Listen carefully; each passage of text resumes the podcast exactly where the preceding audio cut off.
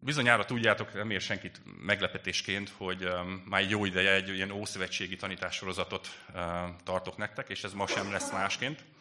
És az elmúlt időszakban um, az úgynevezett, így a legutóbbi tanítások, az úgynevezett nagy profétáknak a, a könyveiből történt, és ez, ez kicsit ilyen, ilyen teológikus hangzású, ilyen távoli dolog, hogy ú, nagy proféták, ilyen valami távoli, kicsit, kicsit zűrzavaros ismeretünk volt róluk, miért voltak ők nagy proféták, hát nem azért, mert hogy magas növésűek voltak, hanem ugye ez, a, ez a, a, az írott terjedelem nagyságára utal, hogy ők a, ők a nagy proféták, és eddig olyan idegen, olyan, olyan kicsit távoliak lehettek ezek a, ezek a proféták számunkra, és, és bízom benne, hogy ezáltal a, ezáltal a, a tanítássorozat által is egy kicsit, kicsit közelebbinek kerülhetnek hozzánk, kicsit jobban megismerhetjük őket. Ott volt Ézsaiás, aki, aki, akiről nyilván sokat hallottunk korábban is, de, de itt megismertük őt, az ő szívét.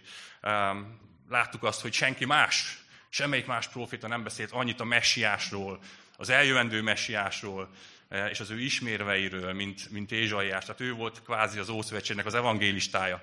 De aztán kicsit beleláttunk az életükbe is, hogy volt neki egyéb ilyen kis, kis bohókás uh, időszaka is, amit lehet, hogy letagadnak később. Uh, szeretett így kicsit ruhanélkül is szaladgálni, de, de ez is csak így közelebbi és emberibbé tette őt előttünk. Aztán volt Jeremiás, aki szintén ilyen nagyon uh, olyan, olyan hideg és távoli uh, profétának tűnt, de őt is jobban megismertük, és az ő szívét ő volt maga a megtestesült eh, odaszállás és, és hűség és kitartás Isten munkájában. 40 évig profétált a népnek, hívta őket megtérésre. De persze így, így nem, nem sok eredménye volt, sajnos. Aztán Ezékiel, Ezékiel profétát is jobban megismertük, aki, aki már így időben, hogy tudjuk, hogy hol vagyunk. Tehát ez a, ez a királyságkora volt Izraelben, illetve Júda királyságában, és a nép az fogságba vonult. Tehát a babiloni fogság előtt, közben, a fogságba vonulás közben, illetve fogságban lévő időszakban járunk. És Ezékiel Jeremiásra egy időben, de ő már, ő már a fogságból tudósított, ő már ott volt a, a fogságba hurcolt nép között. És mert ez egy szomorú időszak volt így Izrael, a kiválasztott nép történetében, de, de azt látjuk, hogy szükség volt nekik erre. Szükség volt arra, hogy, hogy Isten felráz őket ezzel, és, és olyan ígéreteket adott nekik ebben az időszakban is, ami nagyon-nagyon bátorító. Megígérte nekik Isten, hogy ő ott lesz velük, hogy ott a szentélyük lesz. Nem az országban és nem a templomban, hanem ott a szívükben. És hogy új szívet ad nekik. A kőszívet eltávolítja belőlük, és hús szívet ad nekik. És ez, és ez um, olyan csodálatos, és ígéretet tett, hogy ők a népe lesznek. És láttuk, hogy um, ez volt a legutóbbi tanítás, hogy, hogy mi Istennek a specialitása, hogy a halálból életet ad. A, a, a halálból feltámadás lesz. És erre tett ígéretet. És um, ha már nagy proféták, és, és uh, felsoroltam nektek néhányat, akkor a sorban már csak egy uh, hiányzik, Ézsaiás, uh, Jeremiás, Ezékiel után, és Dániel és ma Dánielnek a, a könyvében leszünk, Dániel lel, illetve barátaival fogunk kicsit közelebbről megismerkedni. És akkor még egyszer csak így, így egy-két gondolat erről az időszakról. Ugye a babiloni hadsereg és ez a birodalom ugye több hullámban tört be Judába, és több hullámban embereket rabolt el, és így, fokozatosan néhány, néhány hullámban, néhány évtized alatt igázta le teljesen és foglalta az országot. És az első hullámban um, főleg ilyen királyi családnak a sarjait, vezető embereket, előkelő vezetők családjaiból vittek el fiatal embereket, akik egészségesek voltak, akik, akik bölcsek voltak, tehát jó megjelenésűek és, és értelmes, gyors felfogásúak, és azért vitték el őket, hogy, hogy átneveljék átneveljék erre a, erre a, a, a, királynak, a Babilon királynak a szolgáltába állítsák őket. És köztük volt Dániel is. És itt, itt kezdünk el kicsit jobban rákanyarodni, hogy ki is volt Dániel. És Dániel sorsa egyébként nagyon, nagyon hasonló, vagy ahogy olvastam az ő, az ő történetét, abszolút párhuzamot véltem felfedezni Józseffel. Ugyanis nagyon fiatalon, önszántán kívül került el egy idegen országba, és viszont a bölcsességével a, és az igazságosságával hamarosan itt kitűnt az emberek közül, és elkezdett magasabb, magas pozíciókra emelkedni. És Dániel igazi államférfi lett, tehát bölcsessége és igazságossága ténylegesen fölemelte, és ott tartotta őt a, a vezető pozícióba. Sőt, nem csak a babiloni időszakban, hanem az azt követő méd, perzsa uh, uralkodók is ott tartották őt pozícióba. Tehát ez micsoda, micsoda visszaigazolás az ő, az ő személyéről, az ő áldásos állapotáról. Tehát ugye nem akarok példákat hozni, hogy most ha kineveznek valakit, akkor az egy uralomváltás esetén az az első, hogy repül. Ő viszont ténylegesen uh, nem a király felé való lojalitásával maradt ott, hanem, hanem az Isten felé bizonyított hűségével. Jó, úgyhogy Dániel gyakorlatilag teljes babiloni fogság ide alatt, 70 évig ő, ő ott volt a, a fogságban, és méghozzá ilyen vezető pozícióban, tehát elég szép kort ért meg. És az pedig egy külön Józsefi párhuzam, hogy az első ilyen királyjal való közelebbi megismerkedése, és aztán a felemelkedésének egy fontos állomása volt, az, hogy megfejtette a király álmát. Ugye ez is ismerős így a József történetéből, na de most ugye Dánielnél vagyunk. Tehát Um, Nabukadnecár volt a Babilónia királya, kicsit érdekes név, de majd így, így belemászik a fülünkbe, tehát ilyen nem mostani neveket fogunk, nem Józsi és Béla király, tehát Nabukadnecár Babilónia királya volt, és volt neki egy álma. Álmodott egy, egy szépet, nem tudjuk, álmodott valamit. Um, álmodott egy nagy szoborról, um, amely egy érdekes megjelenésű nagy szobor volt, és az álomnak a lényeg az volt, hogy jött egy kis kődarab, és ezt, ezt az egész um, szobrot ledöntötte. És mi történt ekkor? A király összehívotta az álomfejtőket, jósokat, um, a bölcseket és mindenféle uh, tudós emberét, és egy olyan különös kéréssel állt elő, hogy nem csak azt mondta nekik, hogy fejtsétek meg az álmomat, hanem azt mondta nekik, hogy először mondjátok el, hogy én mit álmodtam, és utána fejtsétek meg. Jó, tehát ez a, ez a lehetetlen kategória, tehát erre senki nem volt nyilván képes, és ott rezgett a léc, hogy jaj, most mi lesz velünk, ezt nem tudjuk megoldani, nem tudjuk megugrani. Ez ugye lehetetlen volt, és senki nem tudta ezt, senki, egyedül Dániel. És uh, itt kapcsolódunk be, és hogyha van nálatok Biblia, vagy akár uh, telefonos applikáció, vagy bármi eszköz, ami nyomot tudjátok követni, Dániel 2-ből, a 32. verstől olvasom. Dániel tehát elmagyarázza a királynak, hogy, hogy mit is álmodott. Ennek a szobornak a feje színaranyból volt, a melle és a karjai ezüstből, a hasa és az oldala részből, a lábszárai vasból, lábai pedig részben vasból, részben cseréből voltak. Miközben nézted, lezuhant egy kő, anélkül, hogy valaki hozzányúlt volna. Ledöntötte a szobrot vas és cseréplábairól, és darabokra zúzta az egészet. Összetört a vas, a cserép, a réz, az ezüst és az arany, és, az egész, olyan, és olyan lett az egész, mint nyári szérűn a pejva, amelyet elvisz a szél, és nyomát sem lehet találni. Az a kő pedig, amely ledöntötte a szobrot, nagy hegyé változott, és elfoglalta az egész földet. Dániel, tehát elmondta a királynak az álmát, és a megoldást is, a megfejtést is elmesélte neki. És a megfejtés az pedig az volt, hogy a, a különféle anyagból készült testrészek, ezek külön birodalmakat szimbolizálnak, külön birodalmakat jelképeznek. Az arany fej, ami a szobornak a feje volt, ez Nabukadnecár babiloni birodalmát, a babiloni királyságot jelképezi. Majd minden egyes külön anyagból készült testrész, hogy így haladunk lefele, az, az a, a babiloni királyságot követő három másik birodalmat szemléltet. Ez volt az ezüst, a réz és a vas birodalom. És az utolsónak a lába, amelyik vasból volt, abban már egy cserép is keveredett, tehát ott legalul, bár, bár erős volt a birodalom, de törékeny. Tehát a cserép ez erre utal, hogy törékenységet mutat. És majd ekkor jöjj egy kő, jöjj egy kis kő, egy, egy látszólag jelentéktelen, nem mondom, hogy kavics, de mondjuk egy kis kő, és ledönti az egész hatalmas szobrot. És erre, ennek a megoldása szintén Dániel tolmácsolásában, a 44. verstől így olvasom. Ezeknek a királyoknak az idejében támaszt majd a menny istene egy királyságot, amely nem semmisül meg soha, és a királyi uralom más lépre nem száll át. Összetöri mindezeket a királyságokat, és véget vet nekik, maga pedig fennmarad mindörökké.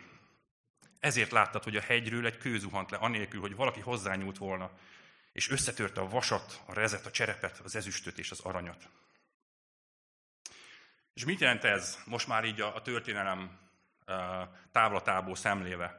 Látjuk, hogy, hogy ebben az időszakban, illetve az egymás követő időszakokban birodalmak emelkedtek fel, és buktak le. Tehát volt a, a babiloni birodalom, majd azt követte a méd perzsa birodalom, majd jöttek a görögök, ugye Nagy Sándor vezetésével, és jött a, a hellén, hellén világbirodalom, és végül pedig a római birodalom. Tehát ezeket szemlélteti ez a, ez a látomás, vagy ez az álom. De mi volt ez a kis kő? Ez pedig Pálapostolnak a Galata negyedik, Galatai levél negyedik részéből így olvasom, hogy de amikor eljött az idő teljessége, Isten elküldte a fiát. Ugyanis Jézus Krisztus volt ez a kő. Ő a vassal, cseréppel jellemzett római birodalomnak a, az uralkodása alatt jött el, és látszólag aprónak és, te, és jelentéktelennek tűnt. Egy olyan kis jelentéktelen személynek, akit, akit konkrétan eltiport ez a birodalom, és, és megölték. És mégis néhány év, tized, illetve év század után ez a birodalom elismerte, hogy Jézus Krisztus az Úr. És ugyanis Jézus eljövetelével egy olyan, olyan királyság, és olyan, olyan uh, uralom indult el, aminek soha nem lesz vége. És az ő királysága ma is növekszik. Képzeljétek el, hogy a mai napon több tagja van ennek a királyságnak, mint, mint valaha volt a történelem során. És a holnapi napon még többen lesznek tagjai ennek a királyságnak. Ez a királyság ez folyamatosan növekszik. És azt olvassuk, hogy ez a kis kő, ami kicsinek és jelentéktelennek indult, hatalmas hegyé változik, és elfoglalja az egész földet. Az ő királysága, az ő uralma, az soha nem fog véget érni. És látszólag ma is vannak uralmon ilyen hatalmak. Nyilván, ha körülnézünk a, a, a világba, vagy a híreket felnyitjuk, vagy, a, vagy, vagy egyszerűen csak így nyitott szemmel járunk. Látunk, látunk nagy vezető politikai hatalmakat, országokat, hatalmas globális tech cégeket, meg, meg, meg milliárdosokat. Ezek lennének, akik, akik a valódi hatalommal bírnak. Látszólag. Látszólag igen de ne tévesszem meg minket. Jó, ezek ugyanolyan kis cserépből készült hatalmak, mint a, mint a szobornak a lábai. Törékenyek, és ideig óráig tartanak. Viszont csak egy király, egy uralkodó hatalom van, amely mind a Földön, mind az örökké valóságban, mind a látható és mind a láthatatlan világban valódi hatalommal bír. És ez nem más, mint Jézus Krisztus. Nincs nagyobb hatalom, mint Isten hatalma és ereje. És és mi az ő országának az állampolgárai lehetünk. És az a feladatunk, hogy őt és az ő országát képviseljük. És tetszett uh, Samúnak a múlt heti tanítása, és ő is ezt mondta, hogy ez a feladatunk, hogy, hogy az, ő, az ő képviseletében járjunk, mint a nagykövetek. És ezt tesszük. És a mai történetben, amit meg fogunk nézni, Dániel és barátai, majd róluk is ejtek néhány szót, hogy ő, ő is, ők se legyenek ismeretlenek számotokra. Tehát Dániel és barátai ezt képviselték. Méghozzá úgy képviselték Istent és az ő országát, hogy az ő országuk az kvázi megsemmisült. De mégis elkerülve egy fogságba, elkerülve egy idegen, idegen kultúrába, idegen uh, körülmények közé, ők tudták Isten képviselni, és tudták hitelesen um, az, ő, az ő érdekeit előtérbe helyezni. Na, mi történik most? Elindulunk ebben a, ebben a történetben, ami az álom megfejtős utáni időszakra vonatkozik.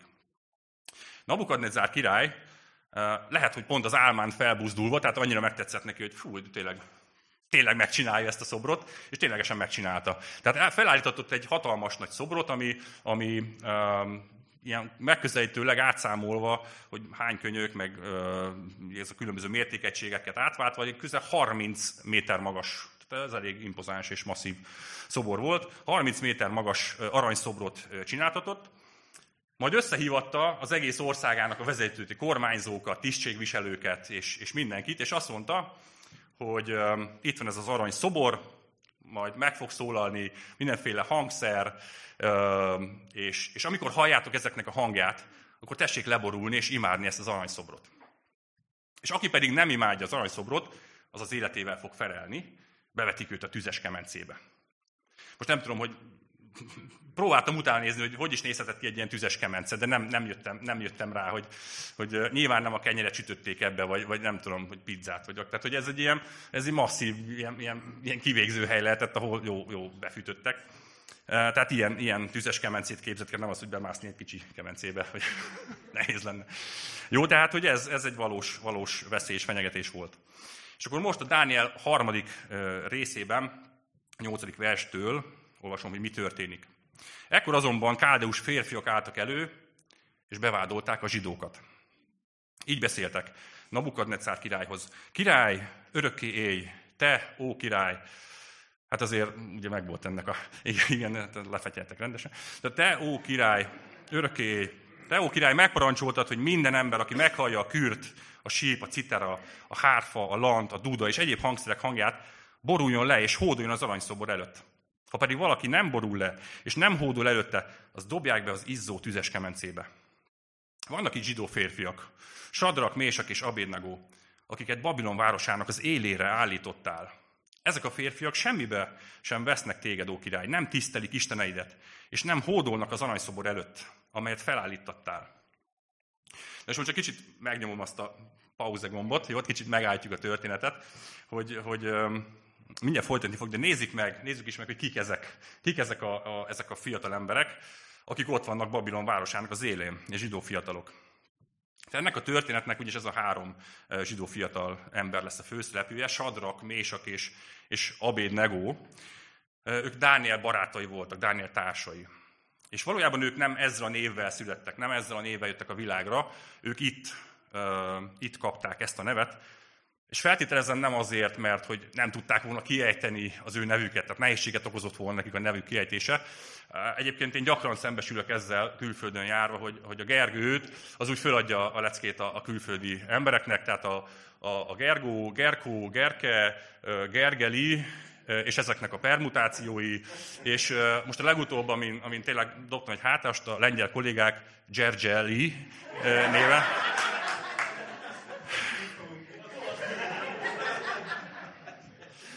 Szóval igen, ezt lehet, lehet fokozni mindig. Tehát őket viszont nem ezért, nem ezért nevezték át, hanem, hanem igen, vicces. Én is röhögtem. Kínomba. Ki, kiről beszélnek ezek? Tehát ezek, ennek a három embernek, akit mi Sadrak, Mésak és Abédnagónak ismerünk, valójában az volt a neve, hogy Hananiá, ami azt jelentette, hogy lesekne, az Úr által szeretett. Gyönyörű nevük volt. És átnevezték Sadráknak, ami azt jelenti, hogy a napisten által megvilágított. Jó, tehát érezni azért a kontrasztot. Misáél azt jelenti, hogy ki, ki olyan, mint Isten.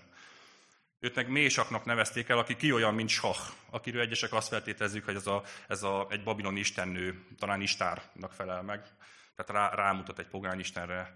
Illetve Azarjá volt a harmadik srác, az Úr a segítségem. Gyönyörű nevük volt, és ez pedig Abédnegónak, ami azt jelenti, hogy Negó szolgája.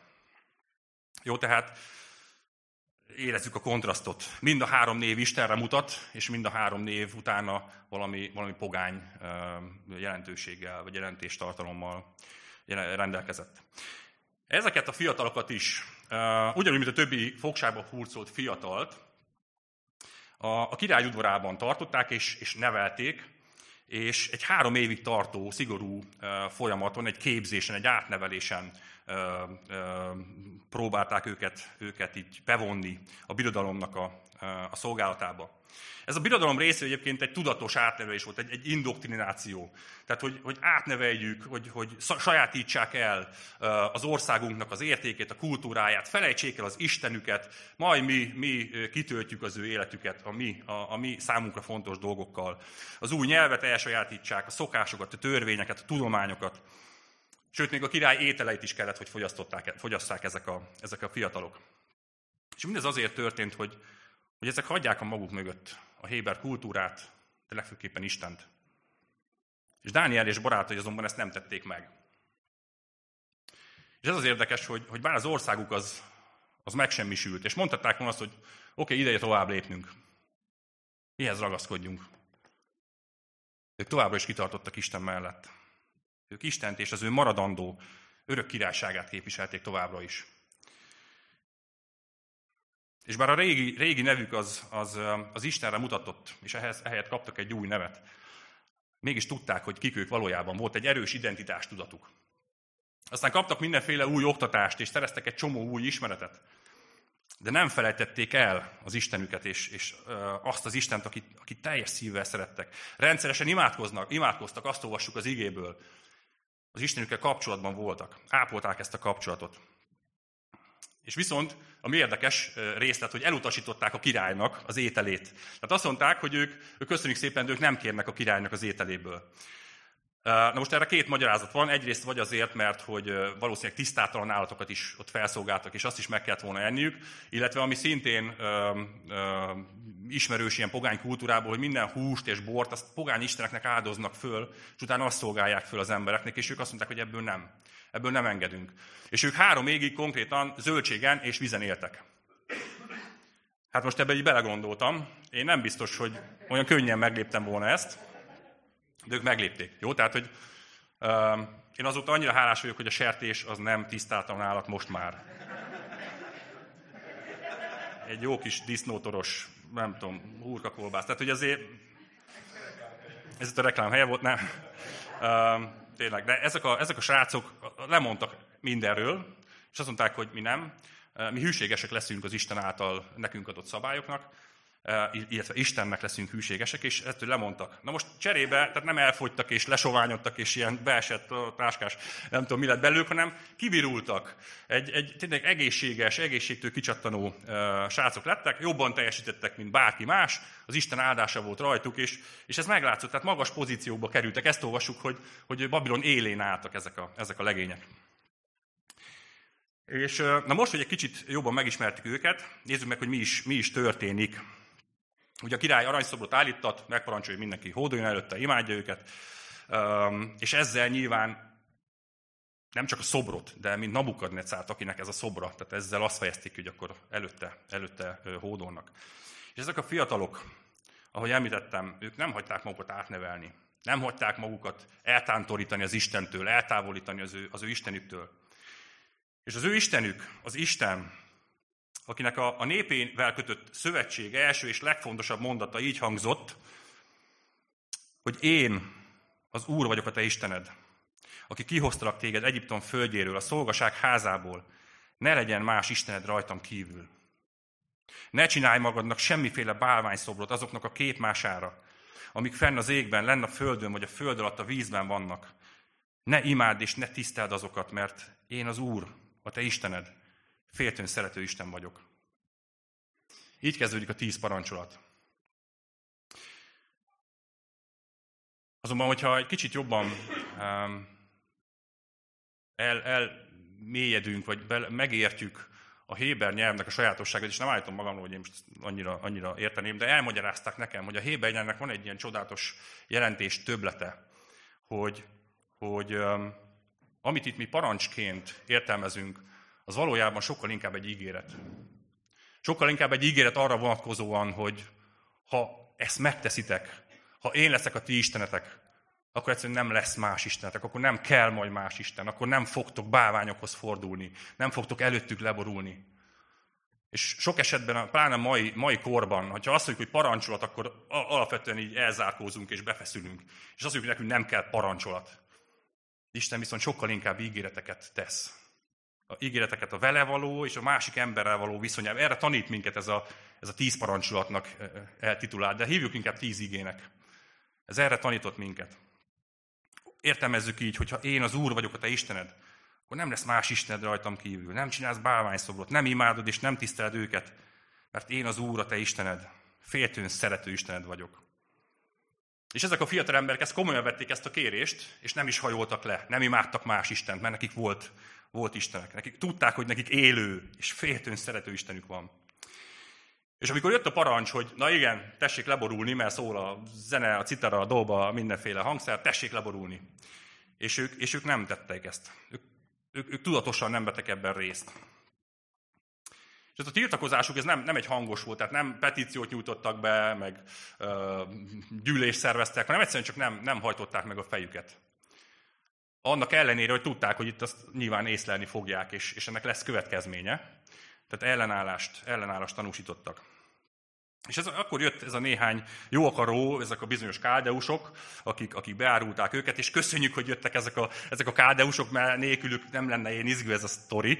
Tehát jöttek ezek a káldeusok, és beárulták őket, hogy na, itt vannak ezek a zsidó fiatalok, akik nem hajlandóak meg, meghajolni előtte Ókirály. És cselekedetük, vagy hát ez az ellenállásuk, ez már nem volt nyilvános, de nem is rejtették el. És tudták, hogy mivel jár a, a királya szembeni szembeszegülés. Mégis inkább Istennek engedelmeskedtek. És ez tanít minket is. Tanít, hogy, hogy merjünk, merjünk kiállni, merjünk látszóak lenni, merjünk a, az Istent képviselve um, más állásponton lenni, mint, mint a világ, mint a körülöttünk levők. És Jézus azt tanította, hogy ti vagytok a világ világossága. Nem rejthető el a hegyen épült város. És a lámpást sem azért gyújtanak, hogy betegyék a véka alá. Ezzel azt üzeni, hogy, hogy nekünk kötelességünk az olyan helyeken is világítani, ahol, ahol sötétség van. Ahol mindenki más másként gondolkodik, ahol, ahol más a norma, más az elfogadott. De mi tudjuk, hogy mi a, mi a helyes. Hogy ezt merjük, merjük megtenni, és, és még akkor is, amikor, amikor ezzel lehet, hogy bajba sodorjuk magunkat. Azért, mert ez a feladatunk. 14. verstől tovább olvasom a történetet. Nebukadnetszár ezt kérdezte tőlük. Sadrak, Mésak és Abédnagó. Igaz-e, hogy ti nem tisztelitek Isteneimet, és nem hódoltok az aranyszobor előtt, amelyet felállítottam? Készek vagytok-e most, ha meghalljátok a kürt, a síp, a citera, a hárfa, a lant, a duda és egyéb hangszerek hangját, leborulni és hódolni a szobor előtt, amelyet csináltattam. Mert ha nem hódoltok, azon nyomban bedobnak benneteket az izzó tüzes kemencébe. És van-e olyan Isten, aki az én kezemből ki tud szabadítani benneteket? Na, ez már egy, egy haladó szint, tehát ez egy, ez egy magasabb szint. Oké, okay, eddig ellenálltak, és, és nem, nem csinálták azt, amit, amire, amire kötelezték őket. De itt viszont egy direkt konfrontációba kerültek, tehát itt konkrétan szembesítették őket, mégpedig a király szembesített őket ezekkel a tényekkel, és itt, itt viszont uh, szint kellett vallani, úgy értem, hogy ténylegesen uh, ki kellett mondani a meggyőződésüket, és megvallani őket határozottan. És egy ilyen szituációban valljuk be, hogy, hogy elindul az emberben egy, egy ilyen védekező mechanizmus, elindul az emberben egy ilyen agyalás, hogy hát oké, ez, ez szorul a hurok, tehát valahogy, valahogy kompromisszumot kéne hozni, hogy így is jók legyünk, meg úgy is. És megpróbáljuk utána magunkkal elhitetni, hogy, hogy miért alkudjunk meg. Mondhatták volna azt, hogy hát most nem otthon vagyunk, most Babilonban vagyunk, itt más törvények, más szabályok uralkodnak, vagy más, más az elfogadott norma, de ők, ők tudták, hogy, hogy Isten mindenhol jelen van, és az Istennek az értékrendje az mindenhol érvényes. Aztán, aztán mondhatták volna azt, hogy hát végül is nem vagyunk rákényszerítve, hogy lemondjunk az Istenünkről. Kicsit meghajolunk, nem akkora nagy, nem akkora nagy dolog ez. Viszont az ő lelkiismeretük és a bennük lakó lélek, lélek az nem volt ennyire, nem volt ennyire rugalmas, nem volt ennyire megalkuvó. És mondhatták volna azt is, hogy mindenki más is csinálja, hát akkor mi miért ne csinálnánk? Viszont, hogyha Isten képvisel, akkor, akkor legyél bátor és ne állj be feltétlenül a sorba. Mondhatták volna azt is, hogy hát csupán, csupán egyszer kell megtennünk, és az se tart túl sokáig. Tehát ezért a három perces kis lehajolásért kár lenne az életünket eldobni. Nem? Tehát annyira emberiek ezek a gondolatok, és annyira e- ezek jönnének elő belőlünk is, hogy oké, okay, oké, okay, uh, értem én, tehát Istent akarom, de, de ne kerüljön már az életembe, és keresünk egy ilyen, keresünk egy ilyen kis megoldást. Hát hülyeség lenne eldobni az életünket ezért a pár percért. De ezek a férfiak tudták, hogy, hogy ez a pár perc megmérgeznék az egész életüket, és a kapcsolatukat az Istenükkel. És óriási nyomás nehezedett rájuk. Gondoljunk bele, ott a király, ott az egész tömeg, az egész tisztségviselő, tehát több ezer ember, és akkor mindenki rátok néz, és ott az izzó tüzes kemence. És mit mondasz?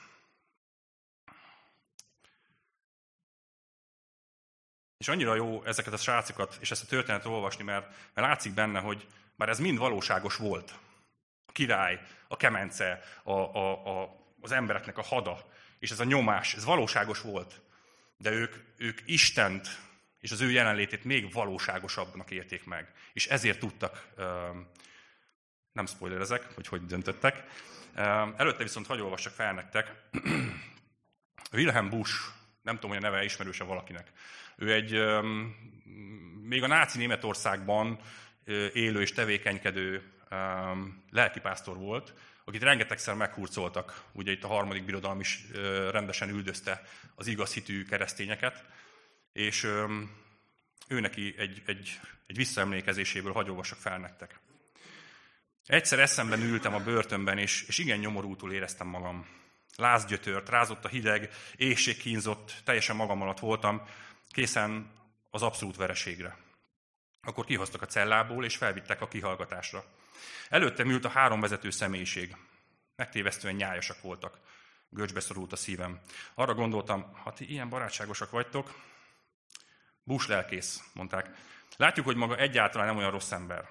Egyedüli butasága, hogy minden áron ifjúsági lelkész akar lenni.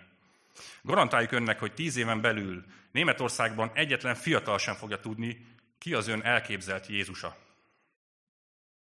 Efelől biztosítjuk önt, mert erről gondoskodni fogunk. És ezért nem lesz többé szükség ifjúsági lelkészre. Felajánljuk önnek, bús lelkész, azonnal szabadon engedjük, és tanácsosi állást kap, ha megígéri, hogy bibliás üzenetéről senkinek nem beszél többet. Hinni hihet, amit akar. Adunk önnek 24 óra gondolkodási időt. Barátaim, ez írtózatos. Ott ül az ember, kimondhatatlanul éhesen, dideregve, lázasan a cellában, és arra gondol, ki innen. Hihetek, amit akarok, csak ne beszéljek többé. Holnap kikerülhetek, lesz rendes állásom, és az egész nyomás, üldözés megszűnik. Egyszerűen nem bírtam tovább, igazán nem bírtam. Csupán annyit kellene mondanom, hogy nem szólok többé. A magam számára hihetek, amit akarok. A pokol összes démona ott volt a cellámban. Meg tudják érteni ezt? Mind arra noszogattak, tedd meg, tedd meg. És akkor hozzám lépett az élő úr, és elém tárta, milyen dicsőséges az élet az ő szolgálatában. Világossá tette, hogy nem lehet megalkudni, magamban hinni, amit akarok, de hallgatni róla? Nem, az kizárt dolog. Akkor mondj le rólam. Lemondani arról, aki a Golgotán megvásárolt. Elveszteni az Istennel való megbékélést, a megváltót, az üdvösséges halál lehetőségét, az örök életet? Lehetetlen. Másnap reggel odaléptem az emberek elé, és kijelentettem, nem tudom elfogadni az ajánlatukat. És most térjünk vissza Sadrak, Mésak és Abédnegóhoz. Sadrak, Mésak és Abédnegó így válaszolt a királynak. Ó, Nabukadnecár, nem szükséges, hogy erre bármit is feleljünk. Van nekünk Istenünk, akit mi tisztelünk. Ő ki tud minket szabadítani az izzó tüzes kemencéből, és ki tud szabadítani a te kezedből is, ó király. De ha nem tenné is, tudd meg, ó király, hogy mi a te isteneidet nem tiszteljük, és nem hódolunk az aranyszobor előtt, amelyet felállítottál. Bátran és határozottan kimerték jelenteni ennek a királynak, ennek a nagyhatalmú, a világ akkor legnagyobb birodalmát vezető királynak, hogy nem. Történjék bármi is, nem. Annyira, annyira csodálatos és élő hite volt ezeknek a fiataloknak. És tudták, hogy azzal, amit most mindenki előtt felelnek, azzal, azzal bizonyságot tesznek az Istenről. És tettetek már bizonyságot az Istenről? Mindenki óvatosan bólogat. Igen, bátrabban. Feltételezem, hogy, hogy ez nem került még az életetekbe, ez, ez a bizonyságtétel. Egyébként nagyon érdekes, hogy a, a, a görög mártűreó szó, ugye mire asszociálunk belőle? A mártír, ugye a vértanú jelentésre. De valójában ez jelenti azt, hogy, hogy bizonyít, tanúságot tesz, tanúskodik, és azt is jelenti, hogy vértanúságot szenved. És bár most nem jelenti azt, hogy ha bizonyságot kell tennünk, akkor az az életünkkel felelnénk érte. De bizony a, a korai kereszténység idejében, és a világnak ma is van számos olyan helye, ahol, ahol ha Jézusról teszel vallást és bizonyságot, akkor azért bizony az életeddel felelsz. Tehát ott, ott nagyon is a mártűreó az, az, az a mártisággal egyenlő. De nekünk nem kell, még jelenleg nem kellett ő tartanunk itt, itt a mi kis hazánkban. Úgyhogy hadd bátorítsak titeket, hogy merjünk bátran bizonyságot tenni az Istenről. Um, nem kell félnünk a, a, a szenvedésektől, következményektől, akkor miért hallgatunk, miért nem merünk bátoran és, és nyíltan uh, Krisztusról bizonyságot tenni.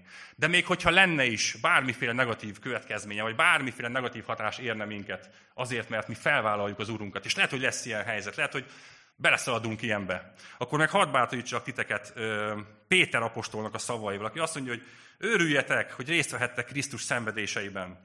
Ha azért szidalmaznak bennetek, mert Krisztus követitek, akkor boldogak és áldottak vagytok, mert Isten szelleme, a dicsőség szellemi megnyugszik rajtatok.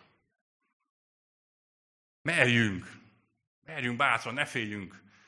Um, tegyük ezt. És volt még egy fél mondat, és ahogy beszélgettünk itt a, a dicsőítő csapattal az alkalom előtt, uh, Edinának is ez, ez a fél mondat az, ami, ami így, így a szemeire ugrott, és ez a legmegérintőbb ebbe az egész dologba, hogy hogy nyilván ez a, ezek a fiatalok tisztában voltak Isten hatalmával, hogy igenis képes őket megmenteni, hogyha úgy akarja, de ott van az a félmondat, hogy de ha nem tenné is. És a számomra is ennek az egész történetnek az egyik leg, legmegérintőbb félmondata. Ugyanis miről tanít? Iszonyatosan szépen bemutatja azt, hogy, hogy bizalom. Ezzel az egy szóval tudnám jellemezni az egészet, hogy bizalom. Hogy ezeknek a fiataloknak olyan bizalmuk volt az Isten felé, ami, ami nem hagyta őket eltántorítani. Ők személyesen ismerték az Urat, személyes kapcsolatban voltak vele, és, és ismerték és tudták, hogy, hogy mire van hatalma, de azt is elfogadták, hogy ő az Istenné, meg az ember vagyok, ne az én akaratom teljesüljön, hanem az Istené. De elfogadom azt, hogy történjen bárhogy is, ő a legjobbat akarja nekem. És én ezért megbízok benne, ezért rábízom magamat. Ha nem tenné is, azért nem teszi, mert jobb terve van felőlem, mint amit én abban a pillanatban elképzelek. Értitek ezt? És egy ilyen, ilyen bizalommal voltak az Isten felé. Hogy megbízok a szeretetében, megbízok az értékítéletében. De alázattal elfogadom, hogy nem én dirigálok.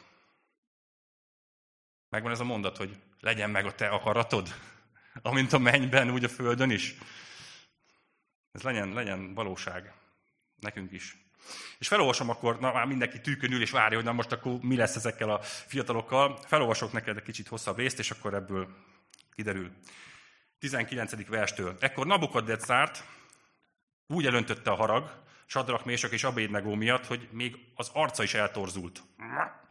Meghagyta, hogy hétszerte jobban fűtsék be a kemencét, mint ahogyan beszokták fűteni. Aztán megparancsolta a hadserege legerősebb vitézeinek, hogy kötözzék meg Sadrakot, Mésakot és Abédnagót, és dobják be őket az izzó tüzes kemencébe. Megkötözték tehát ezeket a férfiakat, és úgy, ahogy fel voltak öltözve nadrágostúl, alsó és süvegestül, bedobták őket az izzó tüzes kemencébe. Mivel a király szigorú parancsára kemencét a szokottnál is jobban befűtötték, a lángoló tűz megölte azokat az embereket, akik Sadrakot, Mésakot és Abédnagót odahurcolták. A három férfi Sadrak, Mésak és Abédnegó pedig megkötözve az izzó tüzes kemencébe esett. Nabukadnetszár király azonban megdöbbent. Sietve fölkelt, és ezt kérdezte udvarai embereitől, nem három férfit dobtunk megkötözve a tűzbe? Azok így válaszoltak a királynak, valóban úgy van, ó király. Ő azonban így szólt, én mégis négy férfit látok szabadon járni a tűzben, és nincs rajtuk semmi sérülés.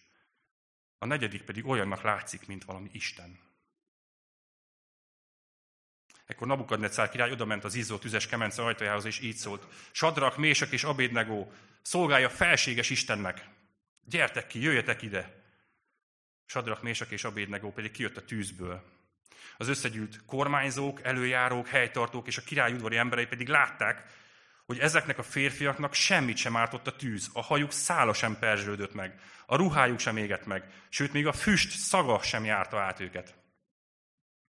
Nabukadnecár akkor így szólt, áldott legyen Sadrak, Mésak és Abédnegó Istene, mert elküldte az angyalát, és kiszabadította szolgáit, akik bíznak benne. Nabukadnecár egy, egy pillanat alatt rájött, és, és, és meg volt győzve hogy ez egy, igenis egy isteni csoda, egy isteni beavatkozás, amire egyedül Isten képes. a, ennek a kemencének a tüze, az iszonyat forróság, és a kicsapó lángok egyből megölték a katonákat is, akik csak közelében merészkedtek ennek a, ennek a tűznek. És ahelyett, hogy a tűzben három vonagló alakot látna, aki, aki, aki kínoktól szenvedve gyors halált hal, azt látta, hogy, hogy ezek szabadon sétálnak, és nem is csak hárman vannak, hanem négyen. És a negyedik személye rátapintott a lényegre. Ő ugyanis nem csak olyannak látszik, mint valami Isten, hanem az is. Az Isten volt ott velük. Maga Jézus volt ott a negyedik személy ebben a tüzes kemencében. És ez a történet nagyon is bátorít, amikor, amikor próbákkal és, és szenvedéssel nézünk szembe, és, és időnként úgy érezzük, hogy, hogy Isten most nagyon nincs itt velünk, hogy ő most elhagyott, és, és nem törődik velünk, nagyon távol van. De a Biblia az, az, az újra és újra megerősíti, hogy ő, hogy ő nem ilyen. Hogy ennek pont az ellenkező az igaz. Én nem tudom, hogy, hogy ez a Sadrak, Mésak és Ebodnego tisztában volt-e azzal, hogy, hogy, hogy van-e ott még rajtuk kívül valaki. Azzal nyilván tisztában voltak, hogy, hogy gyerekek, belöktek minket egy tüzes kemencébe. Itt vagyunk, és, és ahelyett, hogy most itt forróságot éreznénk, sőt, hát tűz, tűz között, hát fizika megvan, jó? Tehát, hogy hány fok a... Itt, itt, most, itt most pirulnunk kéne, barbecue van, és mi vagyunk a feltét, de nem ez van, hanem egyszerűen nem érzünk semmit. Tehát nem, nem, nincs meleg, nincs, komfortosan mozgunk a tűzben. Tehát ez, ez, egyrészt, ez egyrészt nyilván tudatosult bennük. De azt nem tudom, hogy látták-e azt a negyedik szemét. Lehet, hogy látták, de lehet, hogy nem látták. Lehet, hogy csak kívülről látszott az a negyedik személy. És, és most az történik, hogy, hogy itt vagyunk, és, és nem égtünk el, aztán egyszer csak szólnak, hogy hé, srácok, gyertek ki. Oké, okay, hát akkor, akkor kimegyünk. És kimentek, és, és túléltük ezt az egészet. És, és, és egyszerűen nem, nincs magyarázat arra, hogy ez, ez hogy történt. Ez, ez ellene mond a fizika, ellene mond a, a korábbi megtapasztalásainak mindennek, hogy itt, hogy itt mi történt. Szerintem mindannyiónak az életében van olyan, olyan történet, van olyan esemény, amire egy utólag visszanézve azt látjátok, hogy erre nincs magyarázat. Erre nincs más, nincs más magyarázat. Um, én nem szoktam nagyon a, a gyerekkoromról sokat mesélni, pláne így, így a, a szószékről, vagy így, így prédikálás közben, de itt az alkalom. Um, én, én egy csonka családban nőttem fel, um, hárman voltunk gyerekek, van egy bátyám és egy húgom, és csonka családban nőttünk föl, apa nélkül. És az édesanyám egyedül nevelt minket, aki, aki nagyon rossz egészségi állapotban volt, le volt százalékolva, rokkanyugdíjas volt, és konkrétan zéró jövedelme, vagy nagyon-nagyon minimális jövedelme volt. És tudjátok, az az érdekes, hogy úgy nőttünk fel, hogy, hogy nem szenvedtünk hiányt semmiben.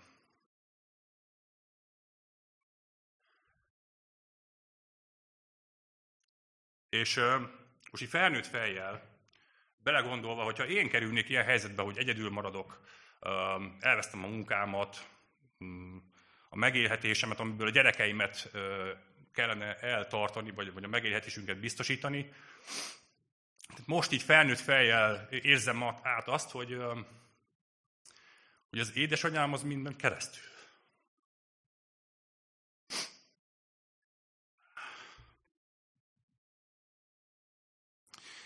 És tudjátok,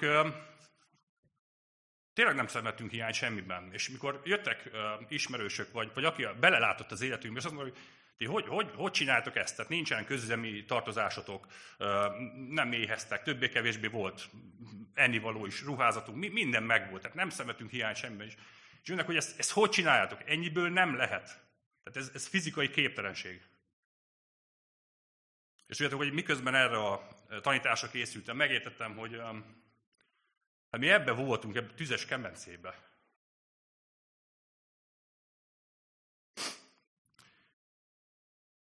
És Jézus ott volt velünk végig.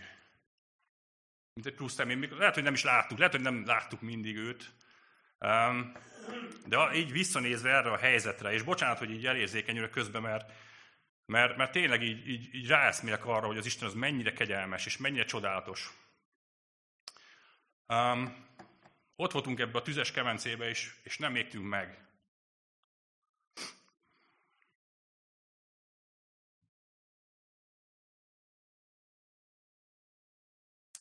Jézus azt ígéri, hogy az Ézsaiáson keresztül, az Ézsaiás 43-ban ezt olvastuk, hogy ne félj, mert megváltottalak, neveden szólítottalak, enyém vagy. Ha vízen kelsz át, én veled vagyok, és a folyókon azok nem sodornak el. Ha tűzben jársz, nem perzselődsz meg, a láng nem éget meg téged, mert én az Úr vagyok a te Istened. Izrael szentje, a te szabadítód. Isten nagyon is velünk van, amikor átmegyünk ez a vizeken, átmegyünk a tűzön, átmegyünk a próbákon, a nehézségeken. És nem azt ígérte, hogy nem fogunk ezeken átmenni. Nem azt ígérte, hogy minden Hawaii digi lesz, és nem lesz nehézség. Nagyon is lesz. Nagyon is át fogunk ezeken menni, de azt ígérte, hogy jó lesz velünk. Azt ígérti, hogy a víz nem sodor el, és a tűz nem éget meg. És ez a történet számomra nem egy, nem egy olyan Istenről szól, aki, aki nem törődik velünk. Nem egy olyan Istenről szól, aki csak távolról néz, és látja a mi vergődésünket. Hanem egy olyan Istenről, aki ott van velünk, benne a mi helyzetünkben, velünk együtt. És az evangélium, ennek az egész sorozatnak ez a lényege, hogy néz, lássuk meg Jézust, hogy milyen ő, milyen az ő szíve. Az evangéliumot, hogy kinyitjuk és olvassuk, ezzel az Istennel találkozunk, aki, aki nem távol maradt, nem távolságtartó, hanem leereszkedett a mi, a mi szintünkre, a mi élethelyzetünkbe, a mi nyomorunkba.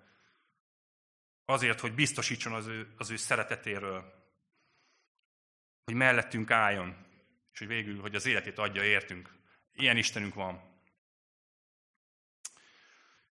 Dicsőítők, lassan gyertek, közelítünk a végéhez.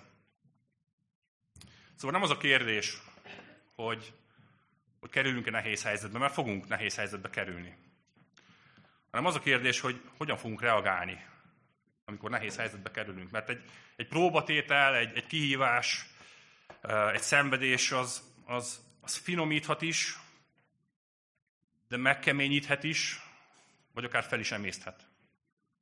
Úgyhogy rajtunk áll, hogy hogy, hogy reagálunk. És arra szeretnélek bátorítani titeket, hogy ragadjátok meg, hogy Jézus az velünk van. Ő erre ígéretet tett. És amíg most lehet, hogy nem is érzed, lehet, hogy most olyan helyzetben, hogy nem érzékeled, de tudd, hogy ő ott van veled. És ragaszkodj hozzá, mert ő egy olyan Isten, akinek fontos vagy. Olyan Isten, akinek, aki, aki törődik veled. Olyan Isten, aki, aki, aki a nehéz helyzetedben átölel és, és biztosít arról, hogy, hogy ő megóv és megvéd. Ő együtt lép be veled a fájdalmadba, és végig kísér azon. És most úrvacsorázni is fogunk, és tesszük ezt minden egyes alkalommal. És annyira jó, hogy ezt tesszük minden egyes alkalommal, mert, mert erre az Istenünkre emlékeztet minket. Um, a héten olvastam egy posztot a Tapolya emlékétől a, a Facebookon, aki, aki egy riportot készített Kovács Géza bácsival, aki öt nappal ezelőtt ment haza a megváltójához, 98 évesen. Kovács Géza bácsi egy baptista lelkipásztor volt, és egész életében viszonylag sokat munkálkodott az Úrért, és persze érték ezért rendesen megaláztatások és, és nehézségek. És föltette ezt a kérdést emőke neki, hogy, hogy honnan volt a bátorság kitartani Krisztus mellett, ugye az ellenséges közvélemény és a megaláztatások ellenére. És ez volt az ő válasza. A válasza egyszerű volt. Kapcsolat. Élő, valós kapcsolat Jézus Krisztussal, amely nem elmélet, nem tudomány, törvény vagy feladat, hanem egy szeretett kapcsolat, melyben Isten beszélgetett Géza bácsival, mint ember a barátjával. És arra hívlak titeket most, hogy, hogy ha veszik az úrvacsorát, és nem mondtál még igent Isten hívására, mert nem ismered őt, nem bízol még benne, akkor hadd bátorítsalak, hogy, hogy ő, ő igenis uh, Érdemes arra, hogy adj neki egy esélyt, hogy megbíz benne, mert ő, ő egy ilyen Isten. Nem egy távoli, hanem, hanem barátságra vágyik velünk. És er, er, erre az Istenre, az ő fiára és az ő, az ő áldozatára gondolunk minden egyes alkalommal, és ebbe erősödünk meg, amikor veszik az úrvacsorát. Úgyhogy, úgyhogy tegyük ezt, és imádságos szívvel adjunk hálát neki. Imádkozunk, gyertek! Drága Urunk és Istenünk, köszönjük neked, hogy, hogy Te ilyen Isten vagy. Köszönjük, hogy megmutatod a Te ígédből, és legyen az bármelyik részén megírva a Bibliában, ez, ez, ez mind a Te örök és változatlan igazságod, a Te, a te személyed és a te, a te szíved vágya, hogy, hogy közel kerüljél hozzánk. Urunk, arra kérlek, hogy, hogy lássunk meg Téged az életünk minden egyes helyzetében, hogy tudjunk, tudjunk beléd kapaszkodni. Köszönjük, hogy ígéretet tettél arra, hogy, hogy a víz nem sodor el, a tűz nem éget meg. És hátadunk, Urunk, még a próbák közepette is, hogy, hogy Te velünk vagy. Köszönjük, hogy, hogy önmagadat adtad értünk. Köszönjük, hogy ezzel bizonyítottad, hogy Te igenis a végsőkig elmész értünk. Szeretnénk, Urunk, ezt, ezt, ezt meghálálni, szeretnénk megköszönni, szeretnénk rád emlékezni, és szeretnénk egyszerűen közelebb kerülni hozzád. Urunk, kérlek, taníts erre a barátságra, ez az én szívem vágya is. Tudjunk, tudjunk tényleg téged szemlélni, és, és, és barátunként tisztelettel, tudva azt, hogy te Isten vagy, de barátunként rátekinteni. Amen.